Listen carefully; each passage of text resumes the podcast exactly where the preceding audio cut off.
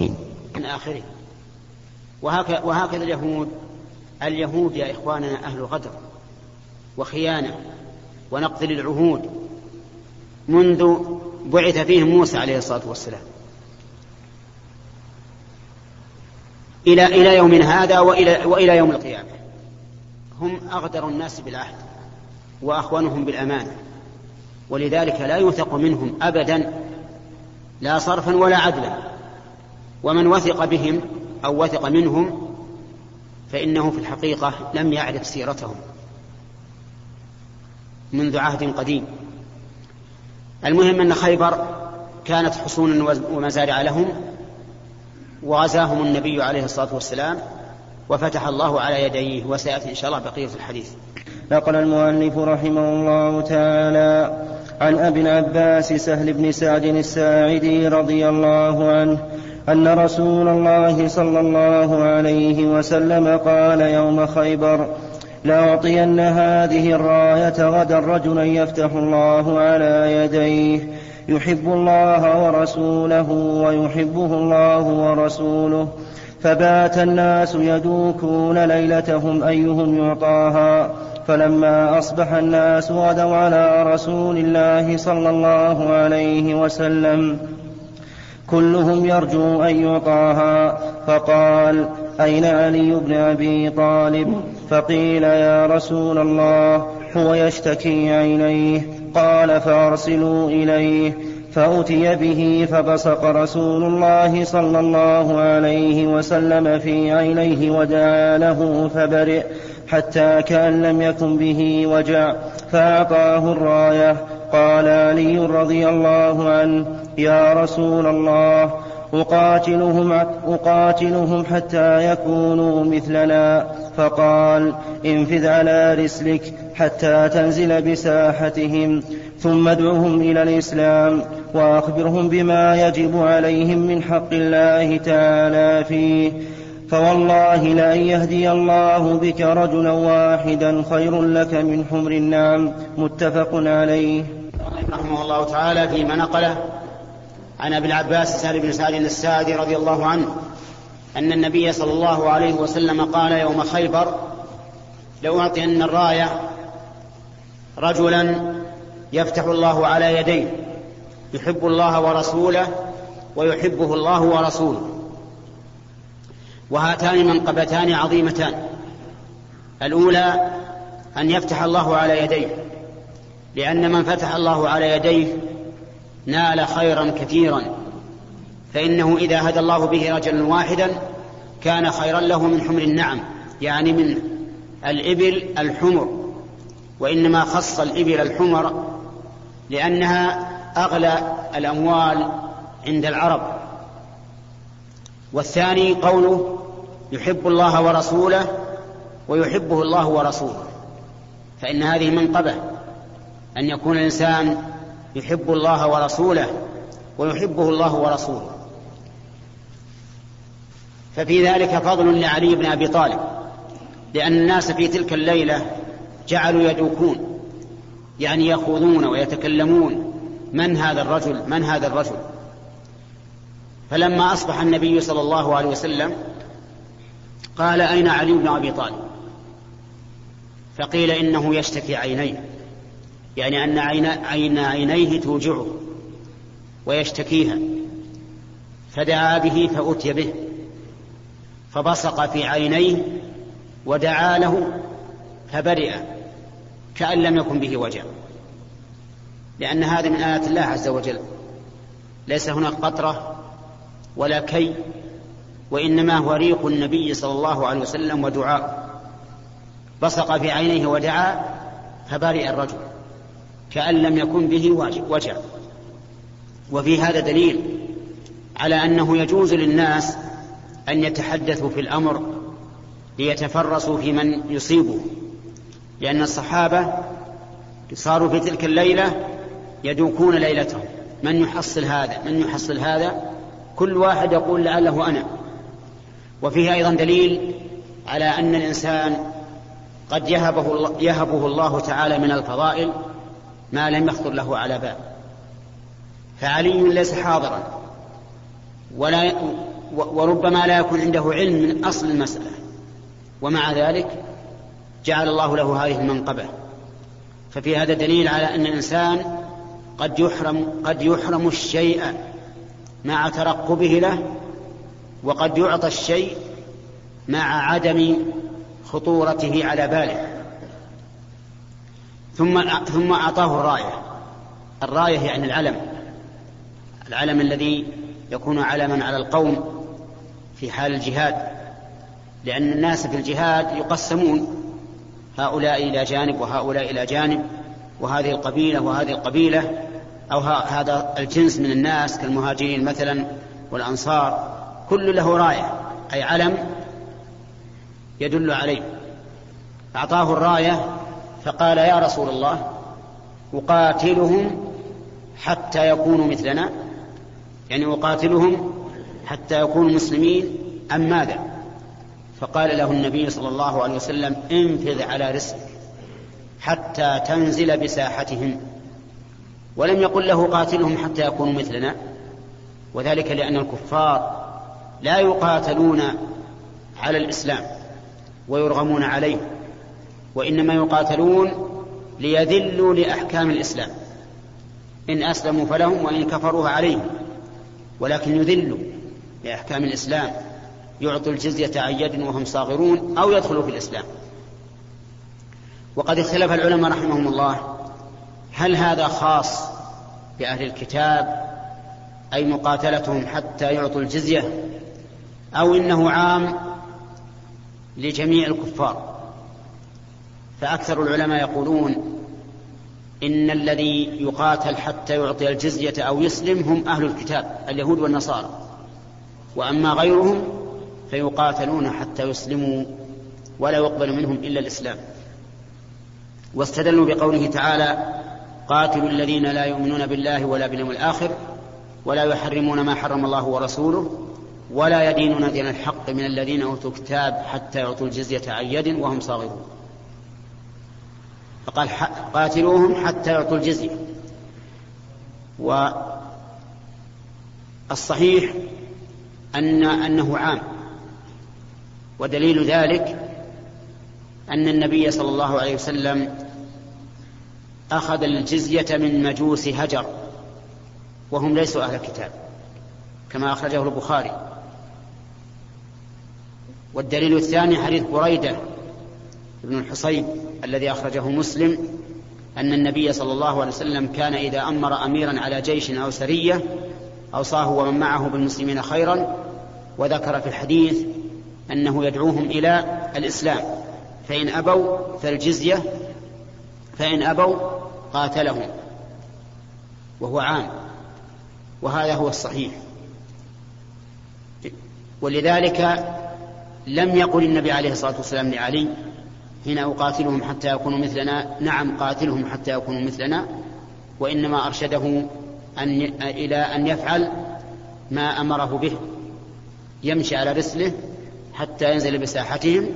وقوله على رسلك يعني لا تتعب ولا تمشي عجلا فتتعب أنت ويتعب الجيش ويتعب من معك. ولكن على رسلك حتى تنزل بساحتهم أي بجانبهم. ثم ادعهم إلى الإسلام ويأتي إن شاء الله بقية الكلام.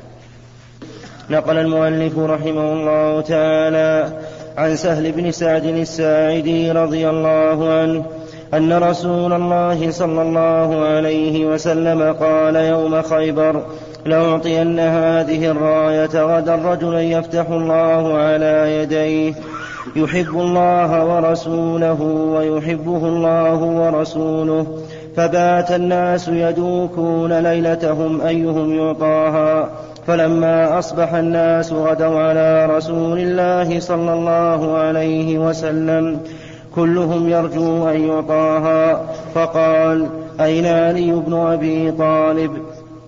فقيل يا رسول الله هو يشتكي عينيه قال فارسلوا إليه. فأتي به فبصق رسول الله صلى الله عليه وسلم في عيني في عينيه ودعا له فبرئ حتى كأن لم يكن به وجع فأعطاه الراية. قال علي رضي الله عنه يا رسول الله أقاتلهم حتى يكونوا مثلنا. فقال انفذ على رسلك حتى تنزل بساحتهم. ثم ادعهم إلى الإسلام وأخبرهم بما يجب عليهم من حق الله تعالى فيه. فوالله لأن يهدي الله بك رجلا واحدا خير لك من حمر النعم. متفق عليه. سبقنا الكلام على أكثر هذا الحديث حتى وصلنا إلى قوله صلى الله عليه وسلم ثم ادعهم إلى الإسلام. وأخبرهم بما يجب عليهم من حق الله فيه. فأمره عليه الصلاة والسلام بأمرين. الأمر الأول الدعوة إلى الإسلام بأن يقول لهم أسلموا. وإذا كانوا يعرفون معنى الإسلام كفى إذا قال أسلم. وإن كانوا لا يعرفونه فإنه يبين لهم أن الإسلام شهادة أن لا إله إلا الله وأن محمد رسول الله وإقام الصلاة وإيتاء الزكاة وصوم رمضان وحج البيت. الأمر الثاني قال أخبرهم بما يجب عليهم من حق الله تعالى فيه وهو السمع والطاعة لأوامر الله ورسوله. لأجل أن يكون الداخل في الإسلام داخلا على بصيرة. لأن بعض الناس يدخل في الإسلام على أنه دين ولكن لا يدري ما هو.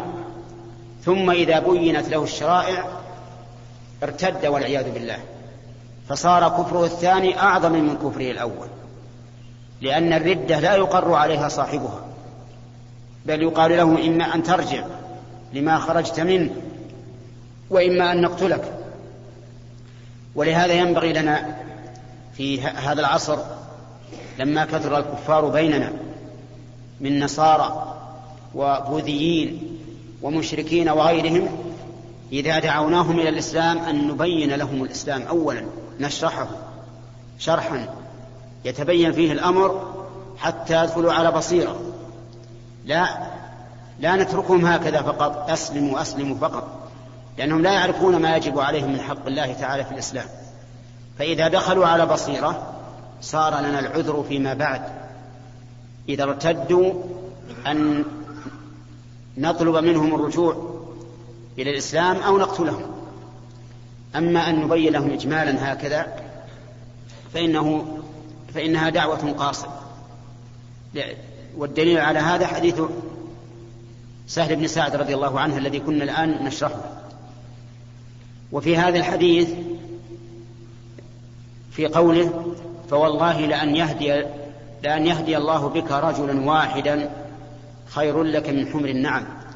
يهديه أن يوفقه بسببك إلى الإسلام فإنه خير لك من حمر النعم يعني من من الإبل الحمر وذلك لأن الإبل الحمر عند العرب كانت من أنفس الأموال إن لم تكن أنفس الأموال.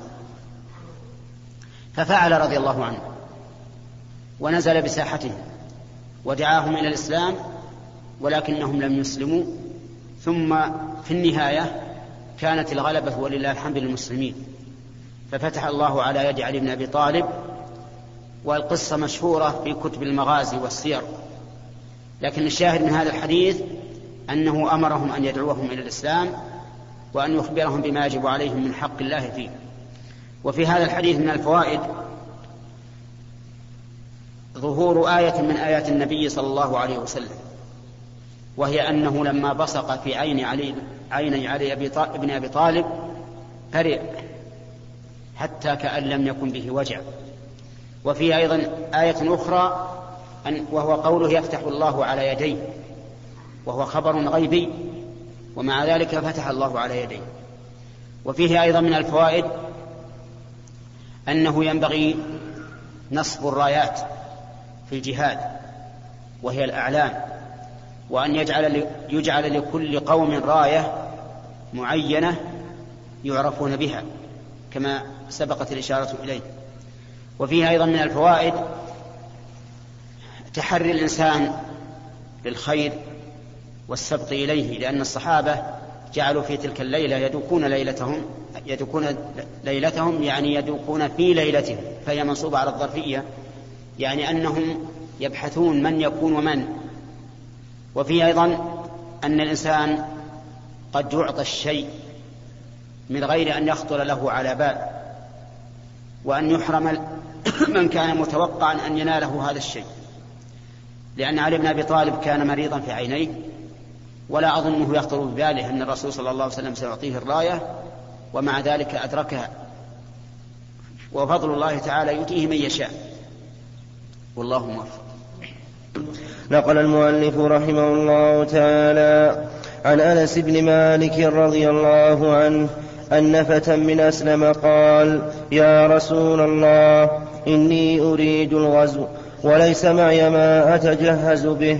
قال ائت فلانا ائت فلانا قد كان تجهز فمرض فأتاه فقال إن رسول الله صلى الله عليه وسلم يقرئك السلام ويقول أعطني الذي تجهزت به.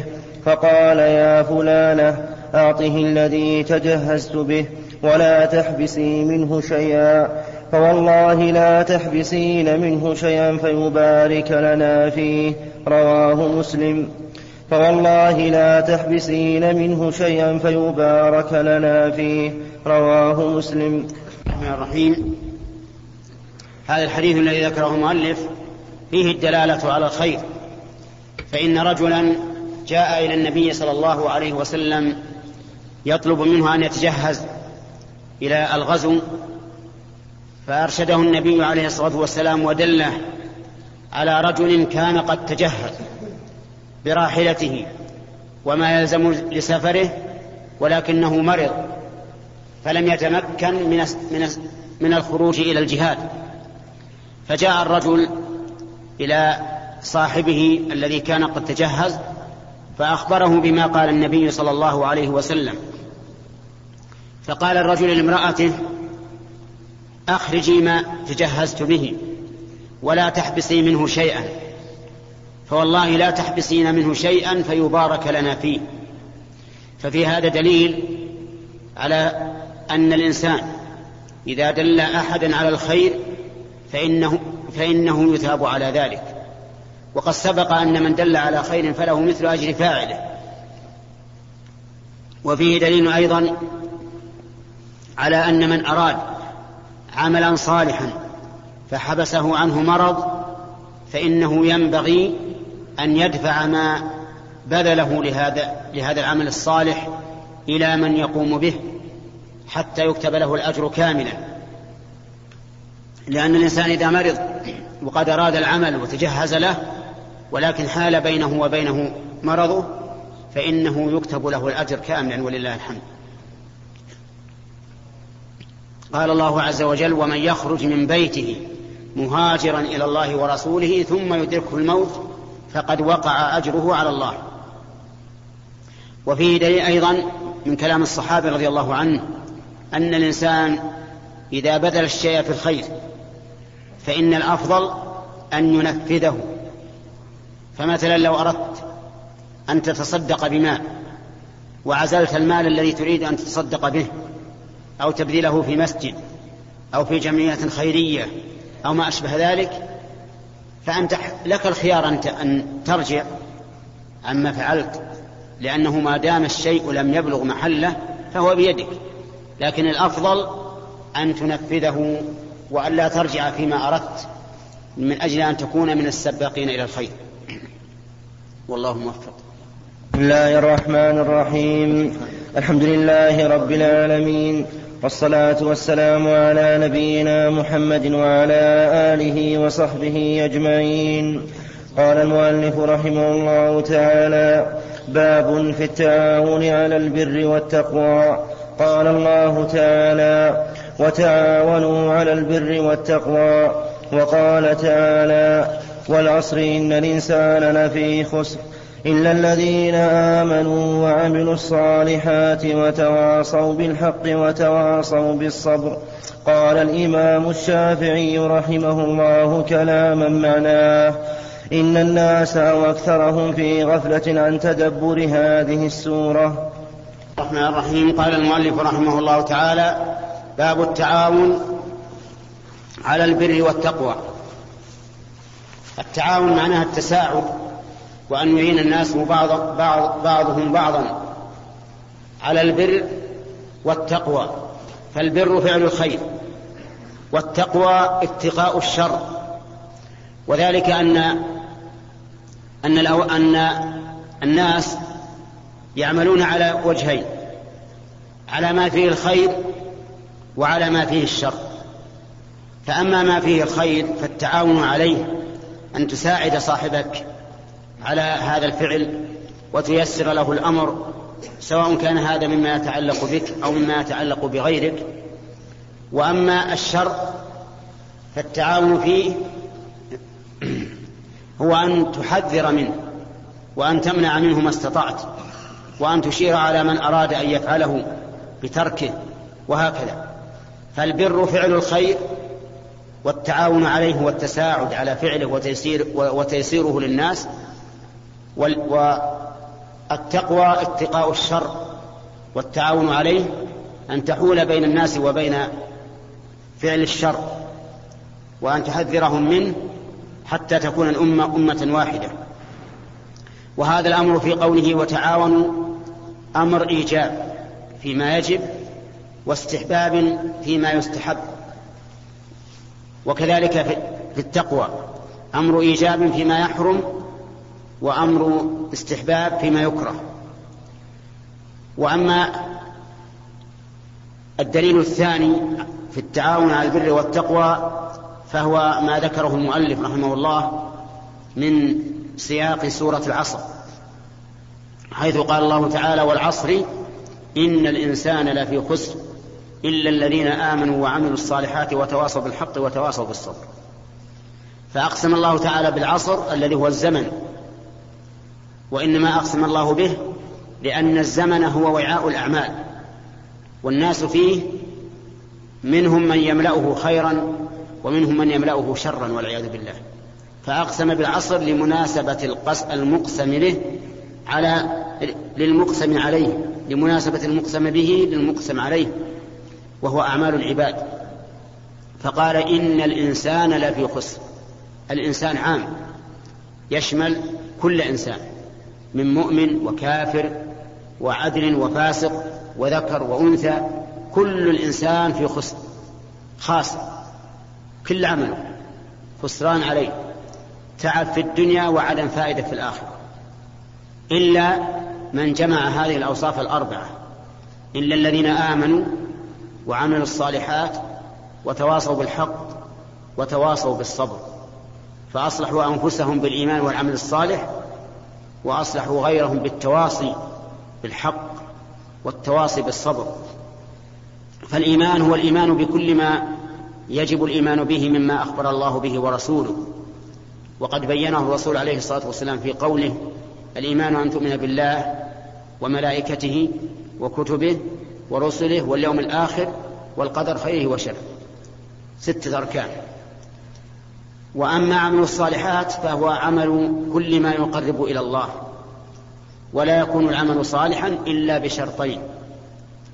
هما الإخلاص لله عز وجل والمتابعة لرسوله. الإخلاص لله بمعنى أن لا تقصد بعملك هذا. عباد الله أن لا تقصد بعملك عباد الله. لا تقصد إلا وجه الله الدار الآخرة. وأما المتابعة فهي المتابعة للرسول صلى الله عليه وسلم بحيث لا تأتي ببدعة لأن البدعة وإن أخلص الإنسان فيها مردودة. من عمل عملا ليس عليه أمرنا فهو رد. والعبادة التي فيها الاتباع لكنها فيها رياء مردودة أيضا. لقوله تعالى أنا أغنى الشركاء عن الشرك وهو حديث قدسي. من عمل عمل أنا أغنى الشركاء عن الشرك. من عمل عملا أشرك فيه معي غيري تركته وشركه. هذه الصالحات. ما كان ما كان خالصا لله موافق لشريعة الله. وأما قول التواصل بالحق يعني أن بعضهم يوصي بعضا بالحق وهو ما جاءت به الرسل. وتواصوا بالصبر عليه لأن النفس تحتاج إلى صبر لفعل الطاعات وترك المحرمات. قال الشافعي رحمه الله لو لم ينزل الله على عباده سورة غير هذه السورة لكفتهم لأنها جامعة مانعة. أسأل الله أن يجعلني وإياكم من المؤمنين العاملين الصالحات المتواصين بالحق المتواصين بالصبر. نقل المؤلف رحمه الله تعالى عن زيد بن خالد الجهني رضي الله عنه قال قال رسول الله صلى الله عليه وسلم من جهز غازيا في سبيل الله فقد غزا ومن خلف غازيا في أهله بخير فقد غزا. متفق عليه.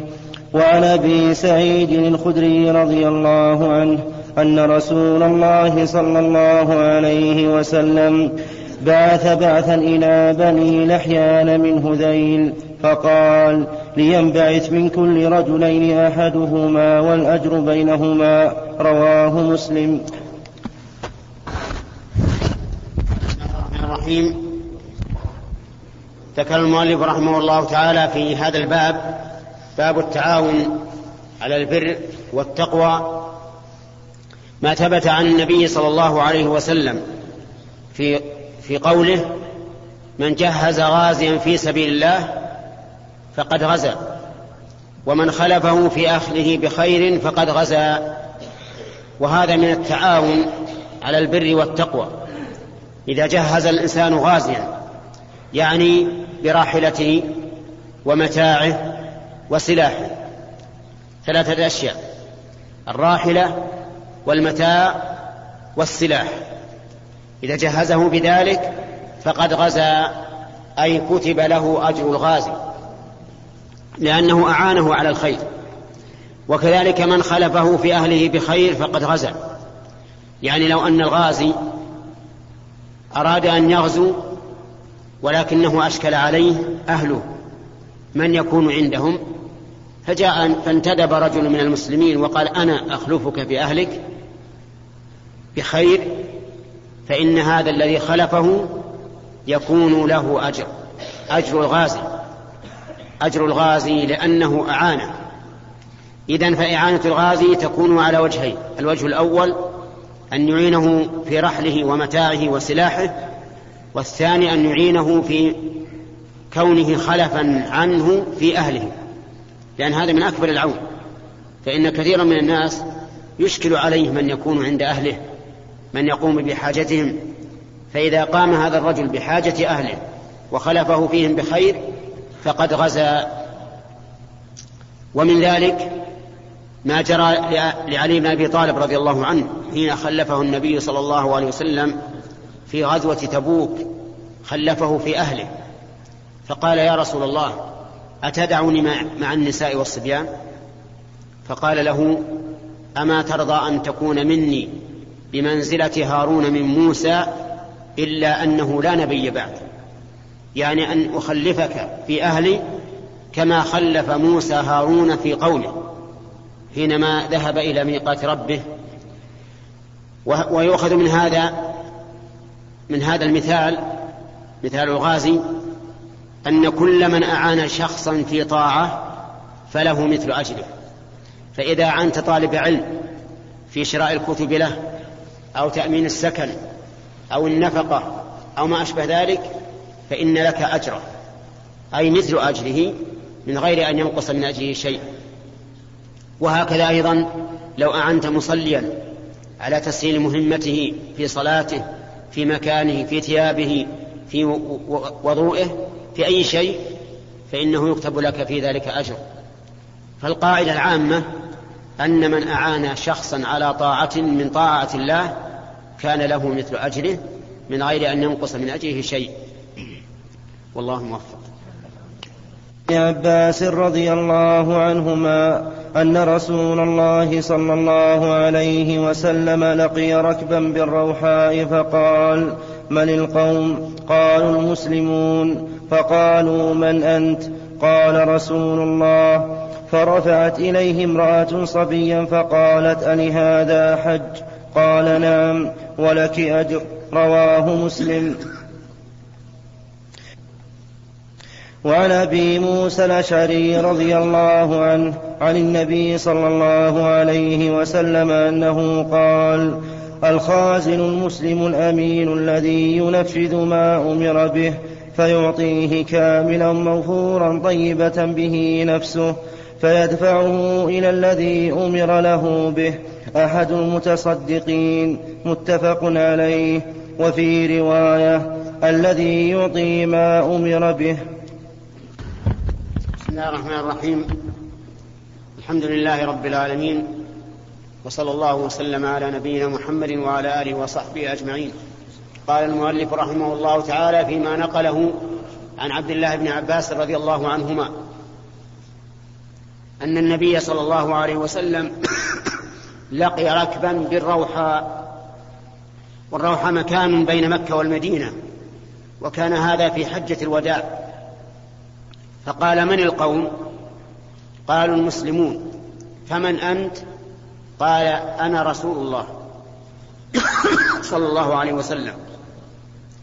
فرفعت إليه امرأة صبيا فقالت لي هذا حج؟ قال نعم. ولك أجر. رواه مسلم. ففي هذا الحديث من الفوائد ما ساقه المؤلف من أجله وهو أن من أعان من أعان شخصا على طاعة فله أجر. لأن هذه المرأة سوف تقوم برعاية ولدها إذا أحرم في الطواف السعي والوقوف وكل شيء. قال له أجر قال له حج ولك أجر. وهذا كالذي سبق في من جهز غازيا أو خلفه في أهله فإنه يكون له أجر الغازي وفي هذا الحديث من الفوائد أن الإنسان ينبغي له أن يسأل عن من يجهله إذا دعت الحاجة إلى ذلك. لأن الرسول صلى الله عليه وسلم سأل من القوم؟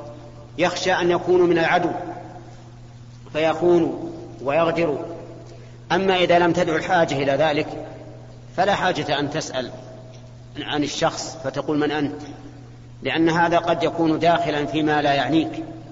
ومن حسن إسلام المرء تركه ما لا يعنيه. لكن إذا دعت الحاجة فاسأل حتى تكون على بينة من الأمر وعلى بصيرة. وفي هذا دليل أيضا في هذا الحديث دليل على أن وصف الإنسان نفسه بالصفات الحميدة إذا لم يقصد الفخر وإنما قصد التعريف لا بأس به. لأن لأن لأن الصحابة هؤلاء قالوا مسلمون. لما سأل من أنتم؟ والإسلام لا شك أنه وصف مدح. لكن إذا أخبر الإنسان به عن نفسه فقال أنا مسلم أنا مؤمن وما أشبه ذلك لمجرد الخبر لا من أجل الافتخار فإن ذلك لا بأس به. وكذلك لو قاله على سبيل التحدث بنعمة الله لو قال الحمد لله الذي جعلني من المسلمين وما أشبه ذلك فإنه لا بأس به بل قد يكون محمودا إذا لم يحصل فيه محذور. ومن فوائد هذا الحديث ان أن الإنسان إذا وصف نفسه بصفة هي فيه بدون فخر فإنه لا يعد هذا من باب مدح النفس والتزكية للنفس الذي نهى الله عنه في قوله فلا تزكوا أنفسكم هو أعلم بمن اتقى.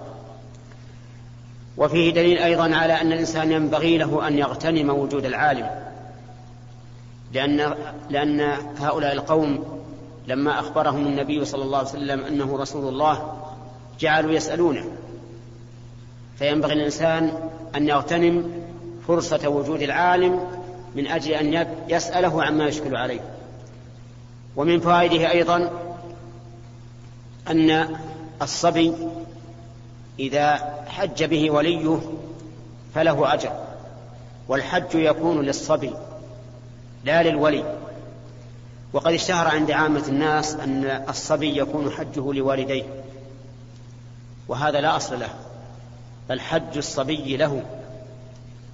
لقول النبي عليه الصلاة والسلام لما قالت له المرأة لهذا حج؟ نعم.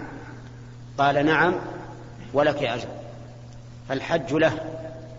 وليعلم أن الصبي بل كل من دون البلوغ يكتب له الأجر ولا يكتب عليه الوزر واستدل بعض العلماء بقوله نعم له حج أنه إذا أحرم الصبي لزمه جميع لوازم الحج. يعني يلزمه الطواف والسعي والوقوف بعرفة والمبيت بمزدلفة وبمنى ورمي الجمرات يفعل ما يقدر عليه وما لا يقدر عليه يفعل عنه. إلا الطواف والسعي فإنه يطاف ويسعى به. وقال بعض أهل العلم لا بأس أن يتحلل الصبي ولو بدون سبب. لأنه قد رفع عنه القلم وليس بمكلف.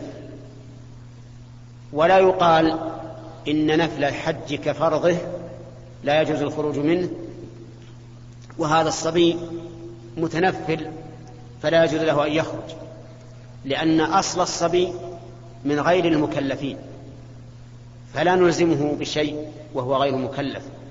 وهذا هو مذهب أبي حنيفة رحمه الله أن الصبي لا يلزم بإتمام الحج ولا بواجبات الحج ولا باجتناب محظوراته وان ما جاء منه قبل وما تخلف لا يسأل عنه. وهذا يقع كثيرا من الناس الآن يحرمون بصبيانهم ثم يتعب الصبي ويأبى أن يكمل. يخلع إحرامه ويقول أبدا ما أتم.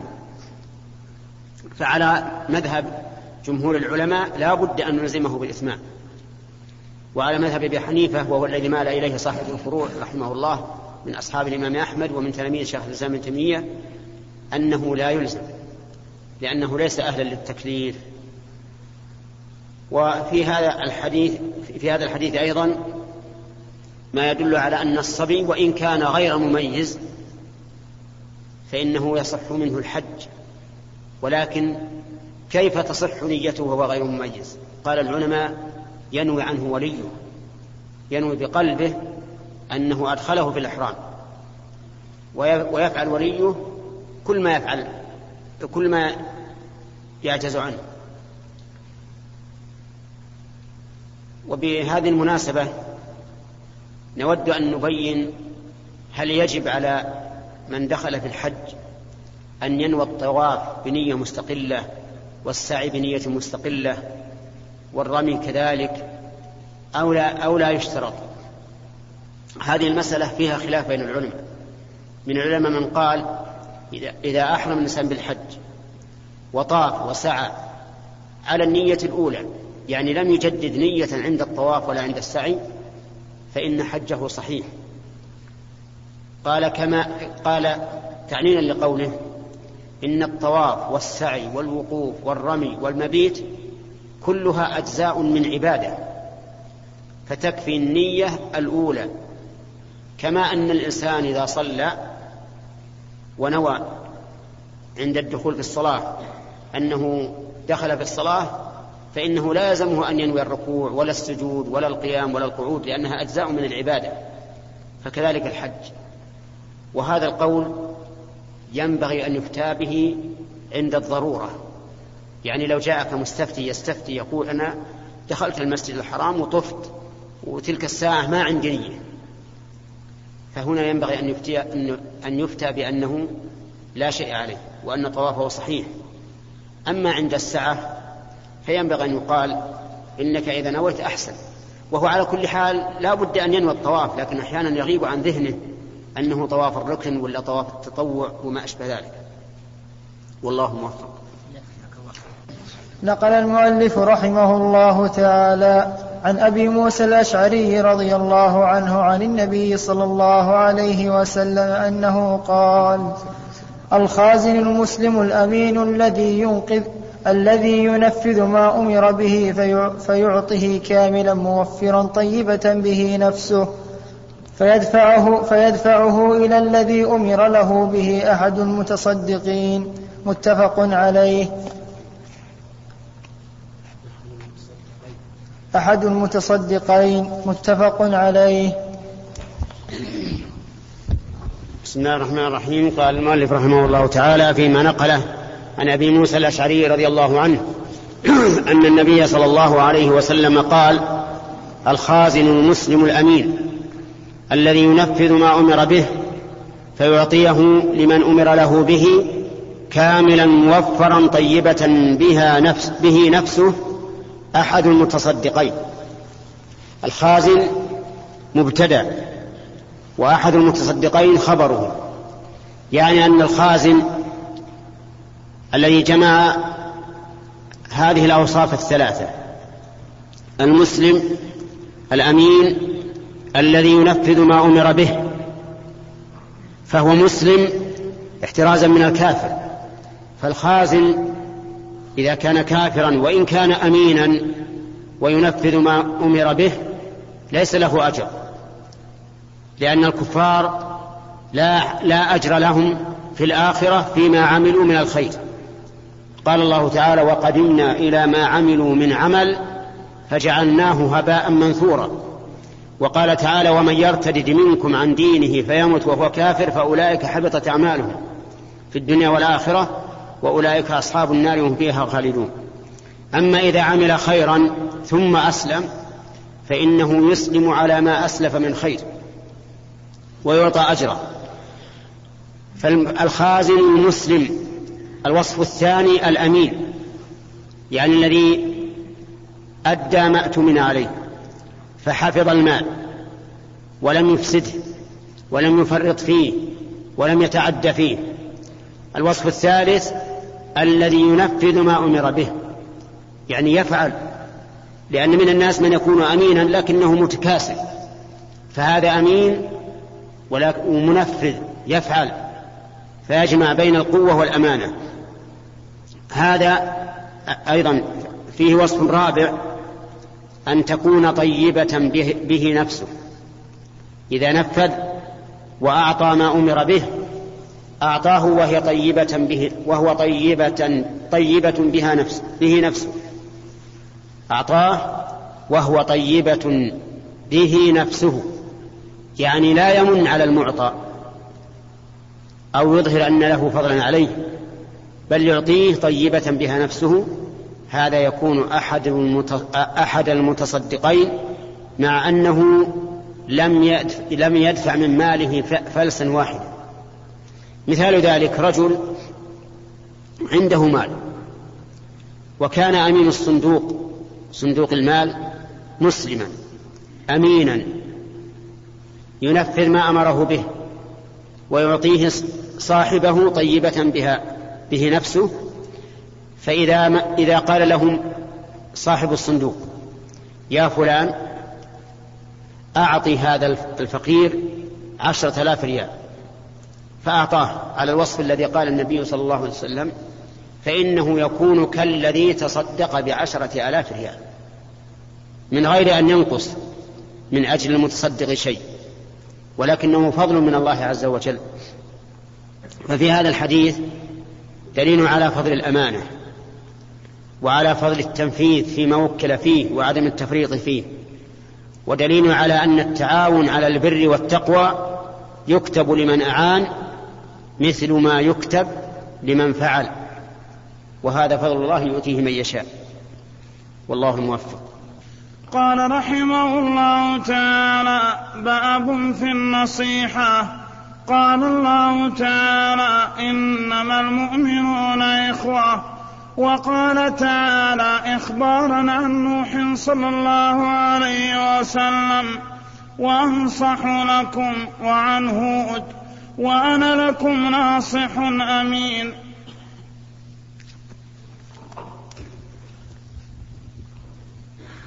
بسم الله الرحمن الرحيم. قال المؤلف رحمه الله تعالى باب النصيحة. النصيحة هي بذل النصح.